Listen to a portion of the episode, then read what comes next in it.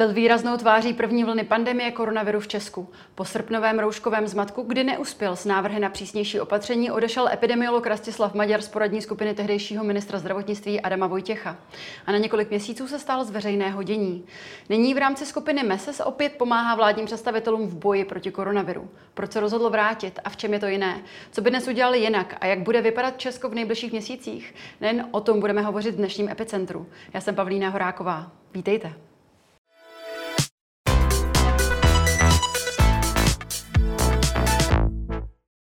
Já už zde ve studiu tedy alespoň na dálku přes Skype vítám epidemiologa a děkana Lékařské fakulty Ostravské univerzity Rastislava Maďara. Dobrý den. Dobrý den. Vy jste původně plánoval cestu přes okresy až k nám do Prahy, ale koronavirus vám plány překazil. Je všechno v pořádku? Ano, je všechno v pořádku. Eh, jednalo se spíše o jaksi kontakty s pozitivními osobami na té druhé straně u kolegů v Praze, kteří skončili kvůli tomu v karanténě, takže ve své podstatě proto se mi změnil pracovní program. Vy sám jste koronavir už uh, prodělal? Eh, pokud jsem ho prodělal, tak bezpříznakově. Já jsem si nechal vyšetřovat protilátky, takže eh, tuto informaci nemám. Eh, koronavirus měl v mírné formě před Vánoci a přes svátky můj desetiletý syn, takže je možné, že jsem byl exponovaný, nakažen, ale proběhlo to absolutně bez příznaku a protože to bylo v období svátku, tak de facto tam proběhla velmi přirozenou cestou jakási autokaranténa a jinak výsledky všech testů jsem měl negativní, takže mm. skutečně to nemám potvrzené laboratorně. A synův průběh eh, byl mírný a vše už je doufám v pořádku? To bylo zajímavé, protože on jenom ztratil čich a eh, o víkendu si to sám vyhodnotil a sám zavolal své praktické lékařce, aby se objednal, takže jsem byl na něho jako taťka lékař pišný, že má takovou eh, míru vlastní autonomie vyhodnotit své symptomy a postupovat správně. Takže on se sám skutečně v deseti letech objednal své praktické lékařky na test ještě dřív, než já jsem zjistil, že má ztrátu čichu. tak to blahopřejeme, očividně na ní máte dobrý vliv. Uh, pojďme začít tak trošičku koncem. A teprve nejdříve tady jedním jménem Andrej Babiš. Uh, vaše vztahy s Andrejem Babišem loni by se daly popsat jako víceméně komplikované. Jaké jsou teď? Jak jste to vnímal vy? Tak já bych nemluvil o vztazích, protože já jsem byl uh, poradcem uh, pana ministra Votěcha a ty kontakty na premiéra probíhaly většinou přes něj. Byl jsem na několika jednáních vlády nebo prostě setkání ministrů, ale ve své podstatě to probíhalo online. My jsme skutečně s premiérem byli v jedné místnosti asi jenom dvakrát za život. A já jsem neradil jemu. To bylo úkolem pana ministra Votěcha, aby vyjednal podporu pro ten odborný názor. Někdy se mi to povedlo, někdy ne ale eh, o, o vztahy s premiérem skutečně nemůžu mluvit, my se úplně moc eh, jaksi neznáme a nemáme pravidelný kontakt a tak je, tak je tomu i teď. Narážím samozřejmě na tu přestřelku, která se eh, konala ohledně roušek, ohledně toho, že vy jste prosazovali jisté zpřísnění, které se bohužel prosadit nepodařilo, kdy Premiér Babiš víceméně se vyjadřoval k tomu, že i když to už uznal teď jako chybu, tak se vyjadřoval k tomu, že by, že by právě byl pro rozvolnění, co se, týká, co se týká povinnosti roušek. Takže v tom smyslu uh, ta komunikace mezi vámi jistě nějaká probíhala. Eh, no, eh, to bylo takové klíčové dnes už eh, skoro legendární takovéto setkání s premiérem té odborné skupiny, u kterého já jsem nebyl, protože se zvolávalo v podstatě ze dne na den a já jsem nebyl k dispozici ve vzdálenosti dojezdové, abych se mohl zúčastnit.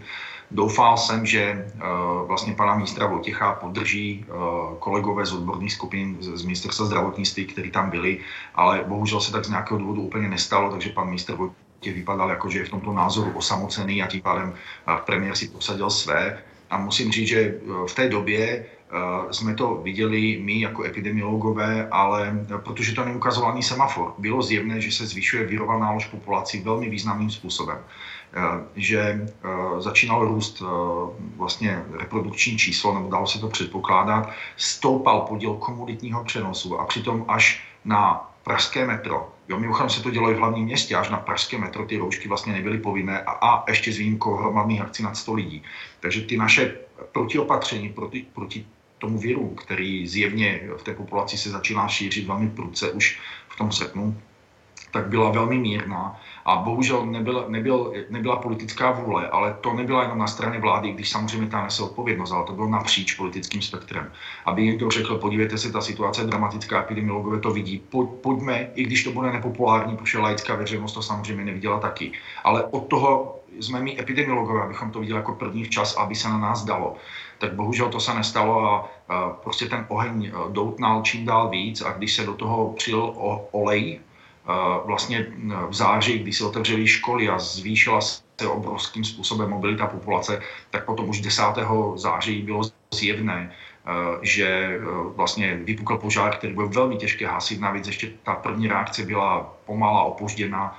A to, to je prapůvod toho, čemu čelíme do dnešní doby. To znamená potom ještě následní dvě větší chyby, které následovaly, způsobily, že v podstatě Česká, Česká republika se dostala eh, na to nelichotivé první místo v celém světě, pokud jde jednu dobu, pokud jde o incidenci a i, i vlastně na přední místa v počtech mrtvých na počet obyvatel.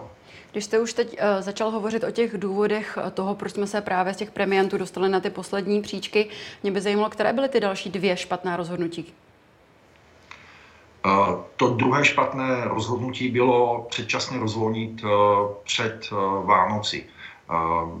Tam skutečně buď se mělo eh, počkat ještě 70 dní, aby se ta situace více sklidnila, ale uvolňovalo se do vysokých hodnot incidence, uvolňovalo se do nepříznivých epidemiologických ukazatelů ty indikátory skutečně byly, byly velmi vysoko, nicméně ustoupilo se určitému komerčnímu tlaku před Vánoci, aby si podnikatele zasanovali své ztráty a bohužel eh, nastalo to, před čím zase odborná veřejnost varovala, že eh, nejenom, že to, co bude následovat, si vyžádá zbytečně lidské životy, ale současně, eh, že to povede k dalším a mnohem větším ztrátám, protože to brždění a ten následní lockdown je vždycky další dlouhodobější než eh, to, kolik vlastně ještě by se mělo počkat. To znamená, mělo se to dotáhnout a bohužel se to nedotáhlo a ten virus se nikoho neptá, on jenom využije svoji šanci, když to takhle řeknu, kterou mu eh, člověk naskytne a eh, v podstatě takhle koná evolučně velmi nekompromisně. A tou druhou následou dohromady třetí velkou chybou, kterou já vidím,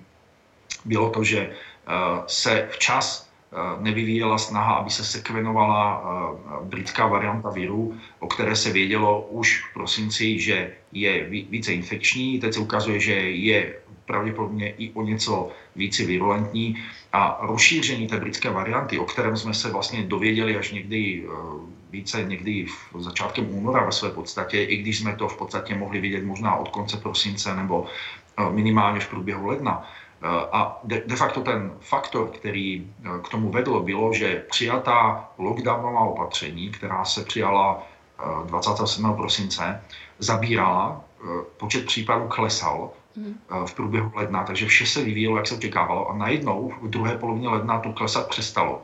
Dokonce to začalo stoupat bez toho, aby se zasahovalo do těch opatření. Takže bylo zjevné, že se stalo něco jiného, a to něco jiného bylo rozšíření té britské varianty. Když jsme to zjistili, tak ona už někdy dominovala a v podstatě ta obrana předtím měla být, že se výrazně navýší počet sekvenovaných vzorků. Eh, dejme tomu, že se bude 1% sekvenovaných vzorků, eh, respektive 1% zachycených virů metodou PCR sekvenovat, aby se zjistilo, kde všude ty různé varianty jsou. A teď máme obavu, ať se to neopakuje znovu, například s jihoafrickou variantou, mm. která byla zachycená v Brně a Volomouci. Pane Maďane, my se k tomu, eh, k těm mutacím dnes dostaneme. Pojďme jenom chviličku ještě zůstat u toho vašeho odchodu, protože přeci jenom vy jste se svým způsobem teď zase vrátil, takže nás zajímají vaše důvody. Vy jste, eh, dovolte mi, jak vám připomněla vaše slova z srpna 2020, které jste, kterými jste komentoval svůj odchod z pracovní skupiny tehdejšího ministra zdravotnictví pro ČTK. Bral jsem to dosud jako službu lidem, se kterou jsem nechtěl, za kterou jsem nechtěl ani korunu. Byla to z mé strany v mnoha ohledech oběť věc principu, ale abych musel čelit zákažným podpásům masovým útokům, to nemám zapotřebí. Jak na to rozhodnutí nahlížíte teď s odstupem času? To moje rozhodnutí odejít, eh, tak eh, tam v podstatě nebyla jiná možnost, protože eh, pokud bych tam zůstal a jak si akceptoval to, že nebyly vyslyšeny odborné názory a můj názor, tak bych se musel cítit spolu zodpovědný na to, za to, co nastalo. A to se teď teda necítím, protože já jsem udělal skutečně první, poslední aby k tomu nedošlo a když k tomu došlo, tak to bylo bez mé účasti. Takže v tomto ohledu mám čisté svědomí a já jsem se vrátil ke své práci. Já jsem dál bojoval s koronavirem, ale na úrovni kraje jsem člen krizových štábu několika, vedu krizový štáb univerzity, jsem člen krizového štábu kraje, taky spolupracujeme s fakultní nemocnicí a tak dále. Takže jak práce mám dost, navíc jsem byl v říjnu zvolen děkanem lékařské fakulty, která se musela ve velmi krátkém čase vlastně jaksi v podstatě v režimu krizového managementu zmobilizovat tak, aby se mohla, aby mohla v lednu podat znovu žádost o, obnovení akreditace studijního programu všeobecné lékařství. A až potom následně se mi e, mírně pracovně ulevilo a e, když v únoru, a to byl ten důvod, jak takový skok časem, když v únoru to vypadalo, že se budou opakovat stejné chyby a že se způsobí další vlna kvůli tomu, tak, tak už mi to skutečně nedalo a opět jsem jaksi vyslyšel žádosti o médii na to, abych se ozval veřejně, protože část veřejnosti na můj názor dá a rozhodně toho nelituji, ale nepovažuji to za nějaký návrat. Já skutečně nadále, pokud poradím, tak to dělám bez nároku na odměnu, na úkor svého volného času a mo- moje práce je tady ve vedení lékařské fakulty, v práci v ordinaci a v tom, abych se věnoval studentům. Mm. Včera se na staroměstském náměstí objevilo uh, na 25 tisíc bílých křížů, které, které mají symbolizovat ty oběti uh, lidí, kteří zemřeli s koronavirem. Um, Vyčítáte si, že jste vyklidil to svým způsobem uh, to pole a um, že jste nestal i nadále aktivně u toho kormidla, že by například právě někteří lidé mohli právě i teď žít, kdybychom neudělali ty tři chyby? Já si myslím, že bych to neovlivnil. Já jsem vlastně byl v podstatě na úrovni neutrálního, neplaceného poradce ministra zdravotnictví a i když jsem vedl tu epidemiologickou skupinu, tak ve své podstatě ten vliv náš vedl přes pana ministra Vojtěcha v té době a pokud to naráželo na politický odpor, tak ve své podstatě bych se musel účastnit něčeho, co jsem, čeho jsem se účastnit nechtěl. Jak jsem zmínil, nechtěl jsem být za to spolu zodpovědný mm. a chtěl jsem teda naopak vyvíjet svoji aktivitu a věnovat obrovsk, obrovské množství času a energie. To skutečně ti lidé, kteří tam pomáhají, tak velké množství z nich se, se obrovským způsobem obětuje já jsem to dopracoval ke dvěma a půl hodinám spánku jednu dobu, ale to můžete dělat jenom tehdy, když vás to nějakým způsobem nabíjí energii a když vidíte, že ta vaše práce, kterou tam e, vlastně uh, nezištně odevzdáváte, padá na úrodní půdu a je vyslyšená. A pokud máte pocit, že tomu tak není, tak nemá smysl toho být. Mm-hmm. Vy jste už se spolupracovala právě s Adamem Vojtěchem, už, jsme to, už to tady několikrát zaznělo. Um, když jste v té době už na ministerstvu nepůsobil, uh, jak jste vnímal to jeho rozhodnutí odejít ze svého postu a jste ještě dále v kontaktu? My v kontaktu s Adamem Vojtěchem určitě jsme. On je dál aktivní jako poslanec výboru pro zdravotnictví poslanecké sněmovny a tam, kde jak si se to prolíná s, s mojí specializací, tak samozřejmě si věci odkonzultujeme. Navíc jsem rád, že souhlasil, já jsem ho oslovil s tím, aby vyučoval na naší lékařské fakultě, alespoň vzdáleně zatím, v rámci medicínského práva, protože ty jeho zkušenosti jsou skutečně poměrně unikátní a už absolvoval první několika hodinovou prezentaci, druhá ho čeká záhy, takže věřím, že jeho to nabíjí takhle energii a dokonce souhlasil s tím, že bych pokračoval, i když by měl nastoupit na post velvyslance České republiky ve Finsku, takže to v dnešní době je to možné vzdáleně. Mm. A, pokud jde o něho, tak já musím říct, že on vždycky respektoval názor svých odborných skupin. Tam skutečně si na to nemůžu stěžovat vůbec.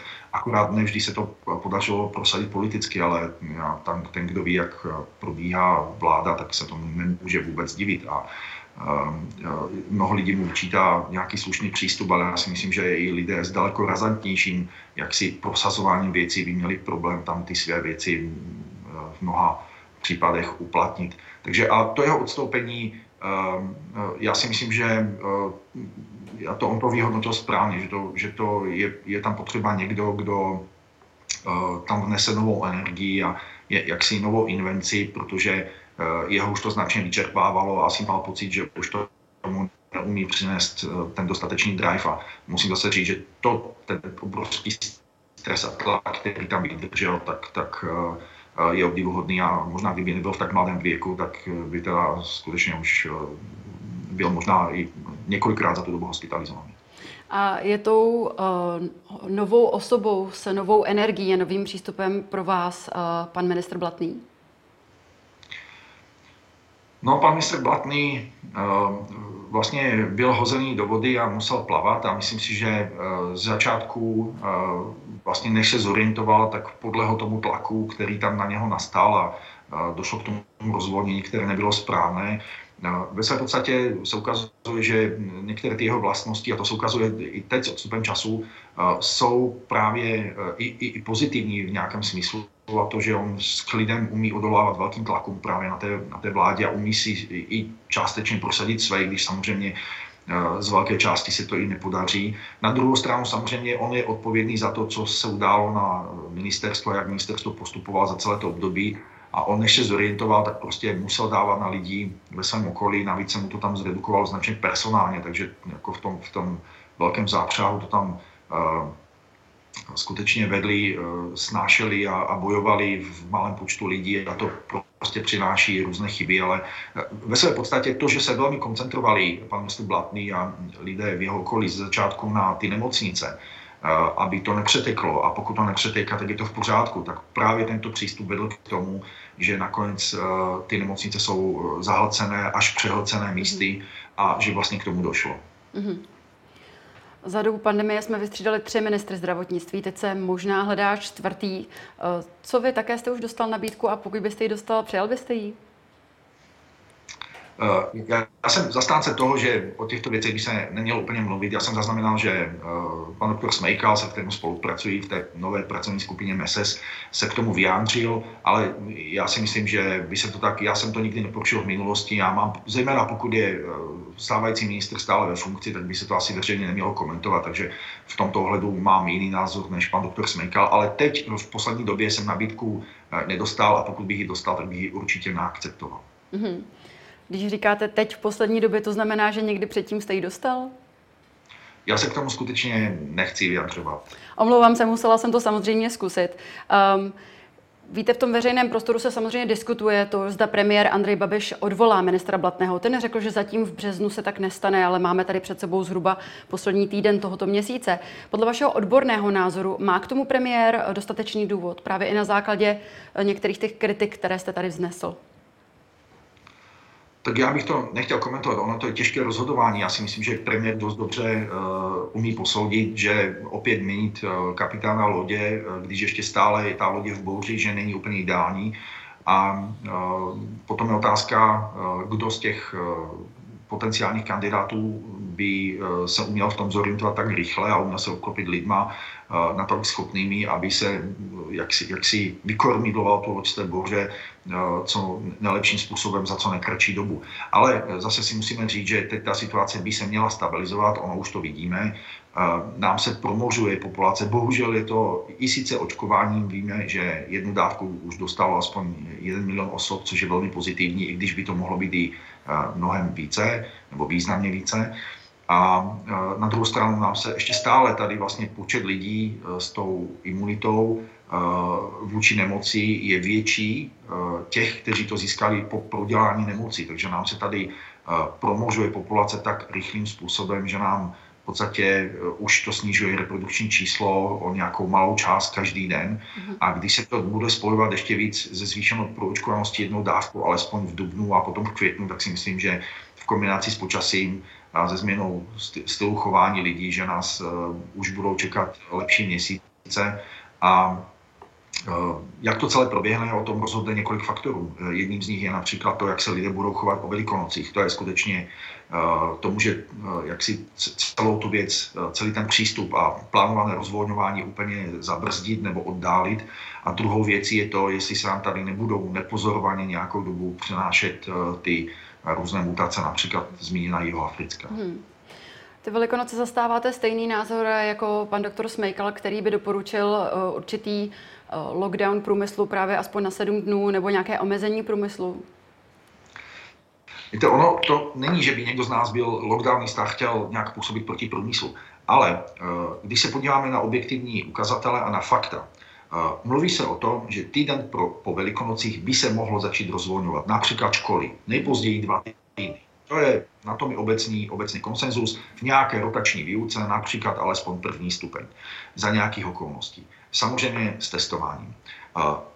Hranici, kterou považujeme za e, skutečně e, takovou mezní, e, je 100 kumulativní incidence, to znamená dohromady počet případů za týden v propočtu na počet obyvatel na 100 tisíc, 100 na 100 tisíc. To je hranice, u které by mělo být ještě relativně bezpečné to rozvolňování bez toho, aby ty další rozvolňovací vlny tu epidemiologickou situaci nezdekompenzovali natolik, aby zase vlastně nemocniční lůžka nepřetékaly.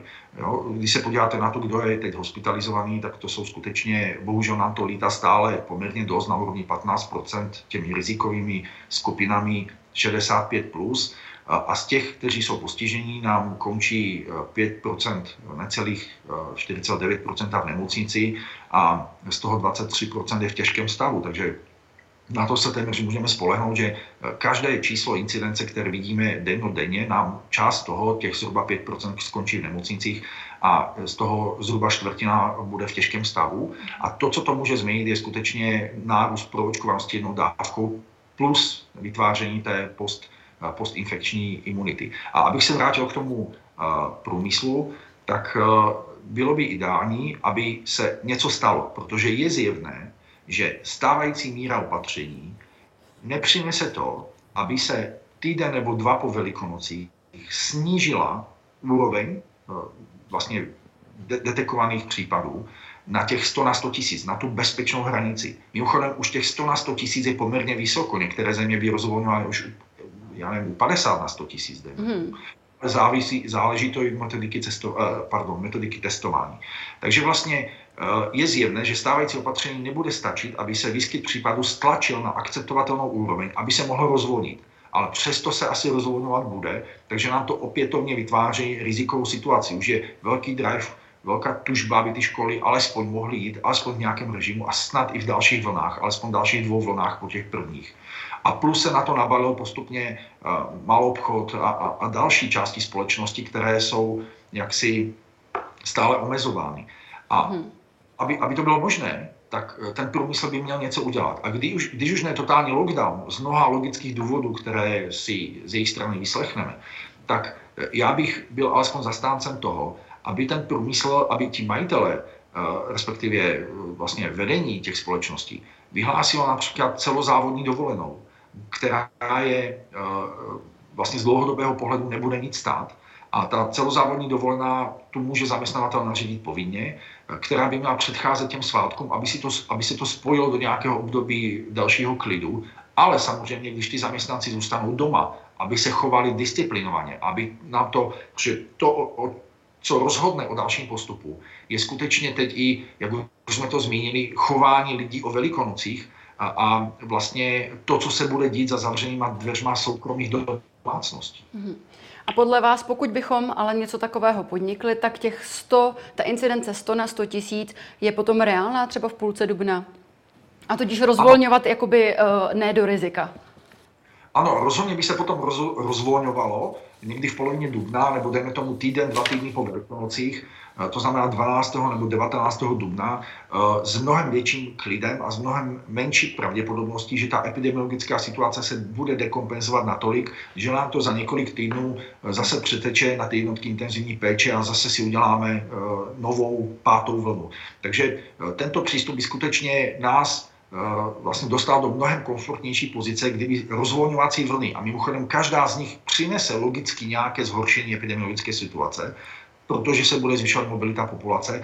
Takže to, ta úvodní hodnota pro to rozvolňování bude níž. Kdyby byla na 70 na 100 tisíc, mimochodem jenom pro představu, tak eh, týdenní kumulativní incidence 70 na 100 tisíc představuje v průměru tisíc případů na den mm-hmm. nákazy. Takže takto hluboko bychom měli klesnout na 70 na 100 tisíc a těch 100 na 100 tisíc je o něco málo v týdenní průměru výš. Mm-hmm. Dalo by se vůbec říci, která z těch opatření, která teď máme, eh, fungují lépe a která naopak fungují hůře?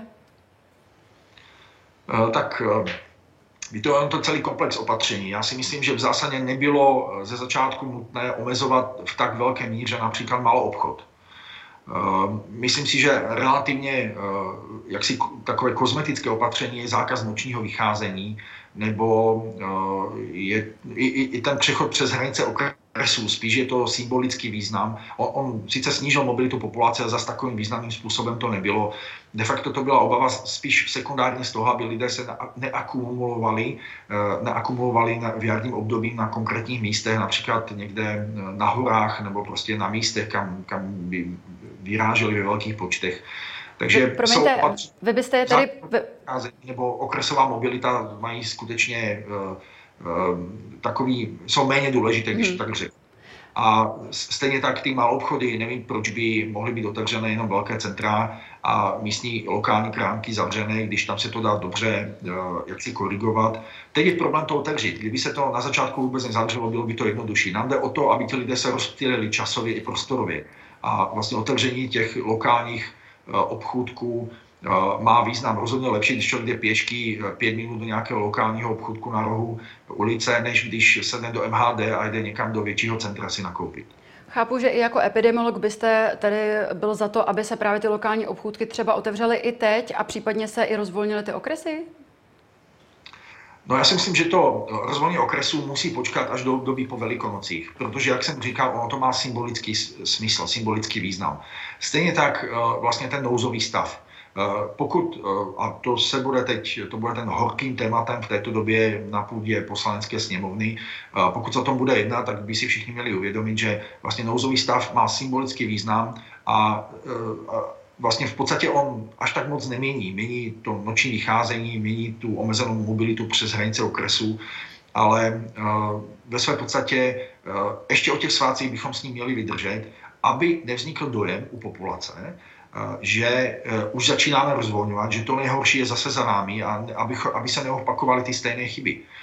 Protože i v létě ke zvýšení výrové nálože v té populaci zejména v tom srpnu, vedlo to, že lidé slyšeli ze všech stran, včetně od politiků, že se mají stýkat, že už to máme za sebou, že síla toho viru klesá.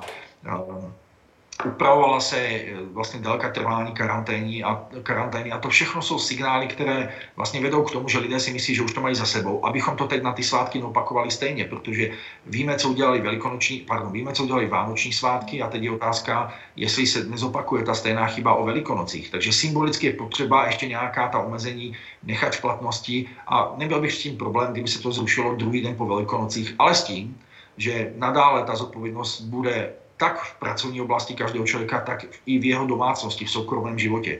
Pokud člověk bude navenek s opatřeními souhlasit, ale sám eh, ve svém životě bude dělat výjimky, to znamená, budou se setkávat eh, vlastně sousedé a jejich rodiny a rodiny spolužáků a tak dále, budou se organizovat narozeniny za zavřenýma dveřma, nebo nějaké jiné party, tak samozřejmě to k ničemu dobrému, dobrému nepovede jenom k tomu, že nám to pokud ne tu první vlnu, tak ty další vlny rozvolňování, které se plánuje, nám to může úplně rozhodit a může to odsunout všechno až na pozdější období. Mm-hmm.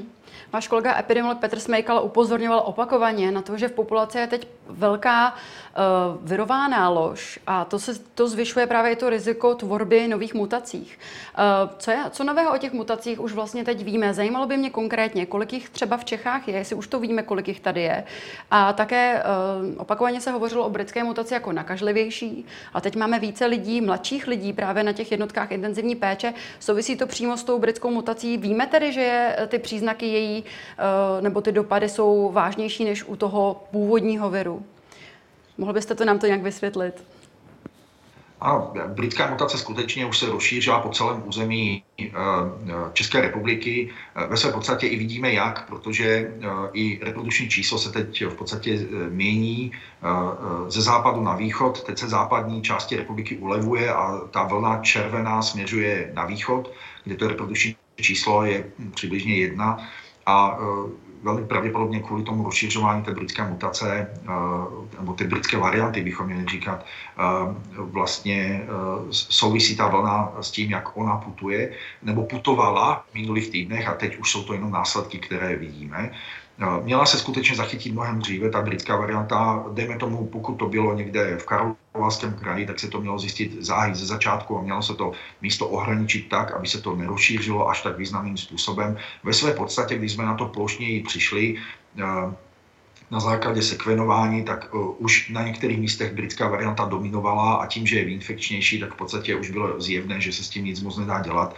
Ve své podstatě sekvenování britské varianty teď už má takové čistě informativní akademické důvody, ale z hlediska protiepidemického opatření už to nějakým způsobem zásadné, zásadní není, protože tam, kde nedominuje doteď, tak určitě časem dominovat bude. Teď bychom se měli spíše soustředit na ty další varianty, jako e, zemena ta jihoafrická, která k nám byla importována z ciziny, z Afriky a už byla zachycena na některých místech. E, mám pocit, že ministerstvo zdravotnictví si je jistější, než by asi mělo být, že ji má pod kontrolou, protože to zdaleka nemusí být e, pravdou a měl by se vytvořit systém plošného testování, například, že skutečně že nějaké, nějaké procento vzorků zachycených se bude automaticky sekvenovat a, a, a to celoplošně, ale, anebo alespoň na nějakých sentinelových místech, samozřejmě za ohradu, aby, abychom měli lepší přehled, co se tady v naší republice děje a abychom nezjistili až ex post zase, že se nám tady ta jihoafrická varianta rozšířila, rozšířila a víme, že ona Mimochodem, každá ta varianta, brazilská, jihoafrická i britská, má v sobě několik mutací. Eh, víru samotného a i hrotového proteinu, který je klíčový.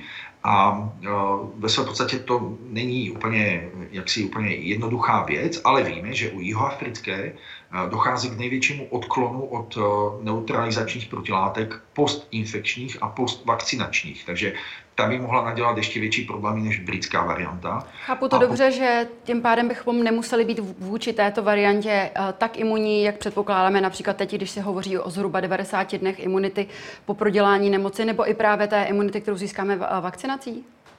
Ano, ona by vlastně v podstatě snižovala účinnost postinfekční i postvakcinační imunity. Takže očkovací látky by byly účinné méně, než eh, vlastně eh, se ukazuje teď. Nicméně, jedna věc je ochrana před nákazou a otázka toho, že, nebo respektive ten aspekt, že by asi byly možné reinfekce velmi pravděpodobně. Na druhou stranu by snad nemusely být těžké stavy, protože i u vakcíny AstraZeneca v Africké republice se zjistilo, že teda ten ochranný účinek vůči eh, mírným a středním formám byl nižší, mm. ale pokud jde o ochranu před těmi těžkými stavy, tak eh, tam, tam ta vakcína si nevedla až tak špatně vůbec. A musíme si říct, že u všech nemocí, nejenom u covidu, je hlavním úkolem očkování ochránit před těžkými stavy, hospitalizacemi a úmrtími. To, že proběhnou nějaké lehčí reinfekce, to není jako primární cíl až tak očkování. Když samozřejmě, pokud to tam je, tak je to uh, pozitivum navíc.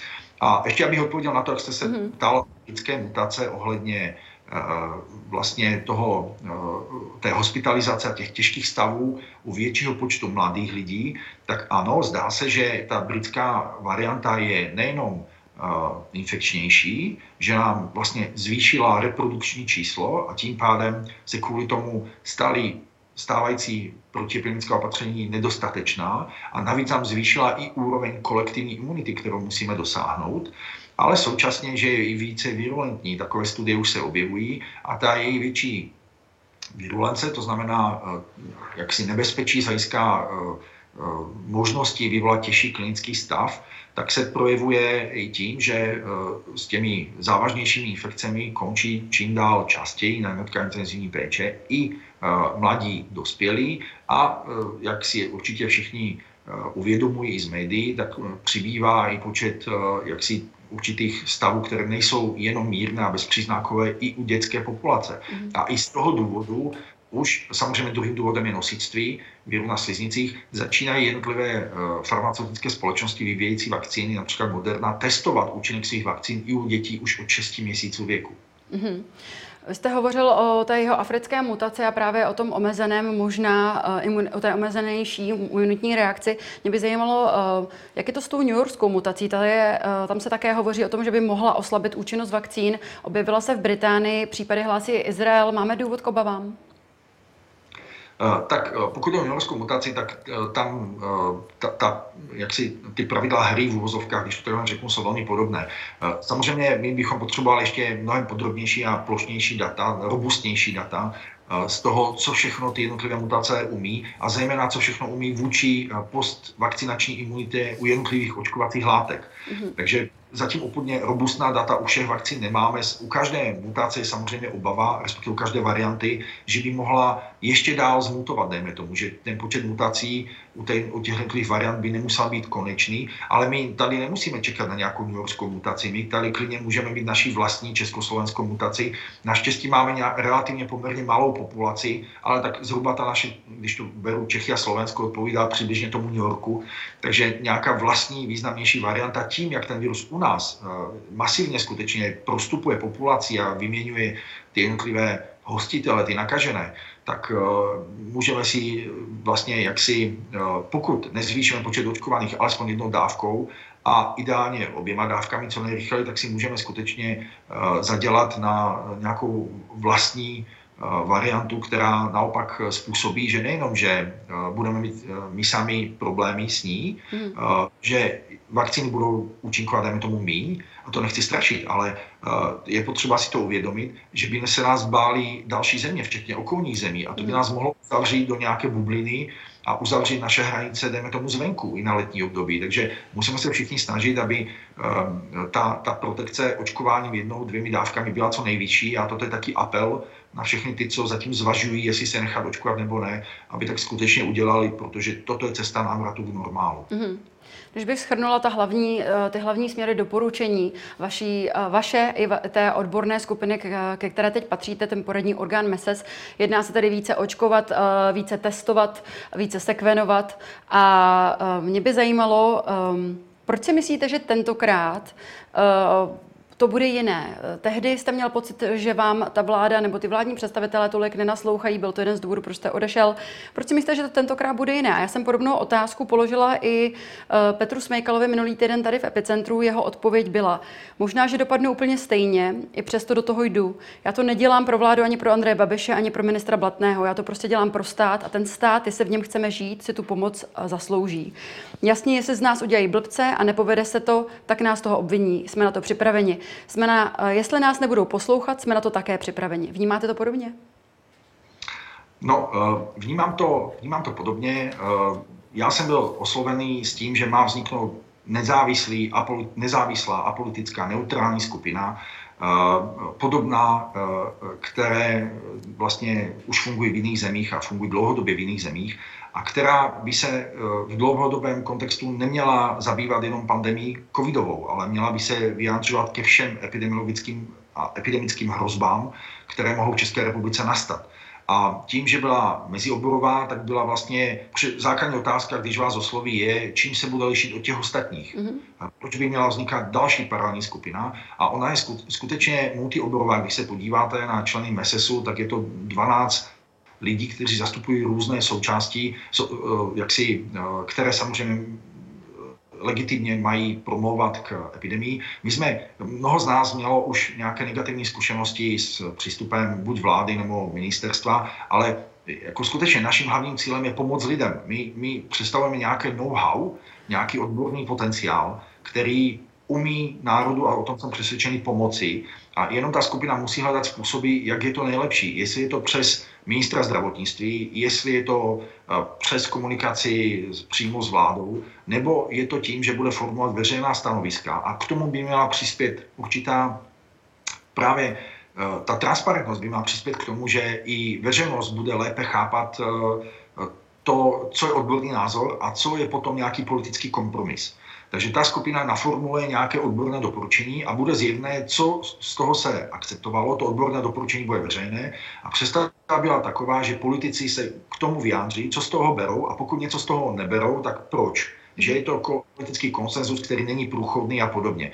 A potom eh, na straně laické veřejnosti ta transparentnost a jak si to rozlišení toho všeho, aby to nesplýval odborný názor a politické řešení, tak by mělo vést k tomu, že bude lepší compliance, to znamená, budou lépe chápat a dodržovat eh, ta opatření, která jsou nařízována. Mm-hmm.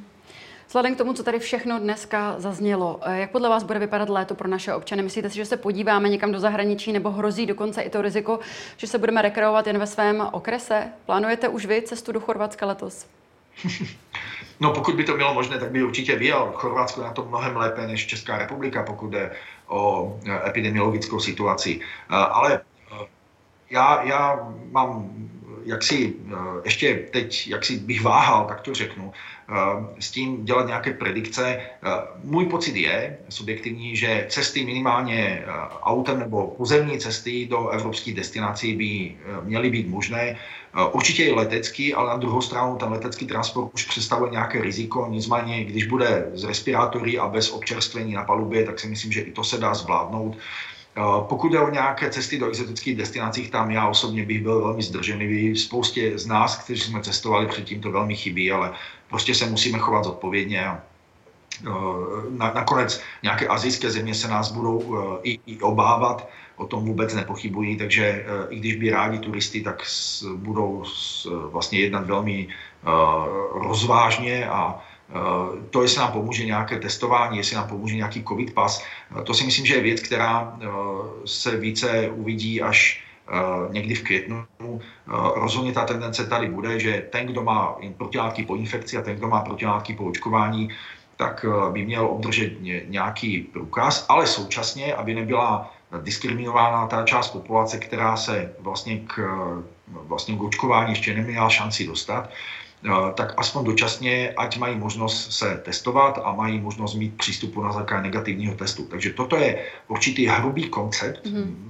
ne v detaile, který se bude už v dubnu pilotně testovat a pokud se to osvědčí, tak potom od května by se to mohlo uh, už zohlednit v rámci rozvolňovacích vln například, ale je důležité uh, nevytvářet jaksi u části národa pocit, že jsou druhořady a to, to, to mm. zdůrazňuji považuji za klíčové, aby se necítili, že ehm, jsou vlastně jaksi e, na druhé koleji. To rozhodně není cílem ani záměrem. E, I proto vlastně už teď se neotevírají, dejme tomu, restaurace těm, co mají postvakcinační protilátky, protože by se tam setkávali čas seniorů se zdravotníky a z, z části učitelů, ale to, to není fér vůči celé společnosti, takže i z toho důvodu se, se k celé společnosti stále přistupuje, že je na jedné lodi a musí společně sdílet ta opatření a že uhýbat z toho nemá smysl. Protože se očku, teda ukazuje se, že očkování uh, skutečně má, má význam a snižuje pravděpodobnost toho slízničního nosictví. Takže mm. očkovaný člověk sice uh, ne za všech uh,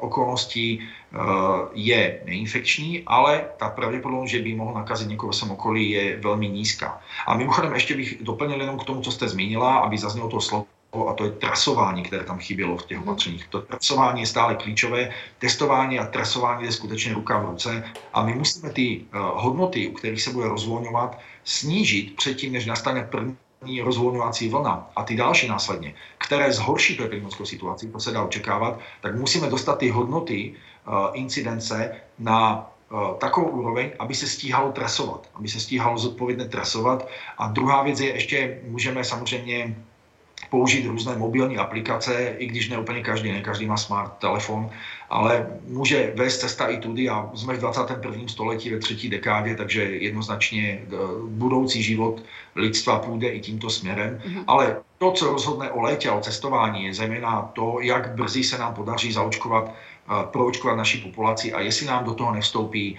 eh, jestli nám do toho nevstoupí nějaké nové varianty a to bychom byli velmi neradí. Mm-hmm. Poslední otázka. Položím vám stejnou otázku, jako jsem položila Petru Smejkalovi minulý týden.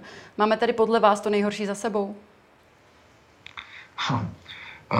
Pokud se to nerozhodí velikonocemi a pokud a soukromým, jako soukromou sférou o velikonocích, jak jsem už zmiňoval, a pokud vlastně nebude velký tlak na ty rozvolňovací vlny, aby šly velmi rychle za sebou, aby byly širší, než bychom považovali za bezpečné, tak si myslím, že eh, to nejhorší už máme za sebou. Ale pokud eh, zase se to nedotáhne, pokud bude eh, vytvářen různý protitlak ekonomických zájmů, tak, tak si můžeme způsobit nebo může se způsobit další pátá vlna, která se potom bude brzdit až do léta, která by to všechno zkomplikovala. Ale když se podíváme opět na celkovou situaci, že a zopakuji, jednu dávku dostalo už více než 1 milion obyvatel, 400 tisíc dostalo dvě dávky. Velká část populace tu nemoc prodělala, má postinfekční imunitu, tak si myslím, že z tohoto pohledu, i když se bude rozvolňovat a ty, ty indikátory budou stále vysoké, tak v podstatě eh, ta riziková část populace bude natolik dobře chráněná, že by to rozvolňování mohlo bezpečně dál pokračovat a tím pádem už by to znamenalo, eh, pokud to neovlivní ta nějaká cizí varianta nebo i domácí varianta, tak by to znamenalo, že nás čeká už skutečně výjezd z toho tunelu, nejenom světlo na konci tunelu a že už ten život se pomalu, postupně, trpělivě bude vracet do, nechci říct normálních kolejí, protože on v normálních kolejích nebude ještě dlouhou dobu a myslím, že dnes už nikdo nepochybuje, že roušky v interiérech v létě nebo potom další jemná preventivní opatření na podzim, že nás čekají. Mm-hmm. Tolik epidemiolog a děkan Lékařské fakulty Ostravské univerzity Rastislav Maďar. Děkujeme. Děkuji za pozvání, bylo mi potěšením. A to už je z dnešního Epicentra vše. Já jen připomenu, že záznam tohoto dílu společně s těmi ostatními naleznete jako vždy na blesk.cz. Já se s vámi pro dnešek loučím a těším se opět zítra. Na viděnou.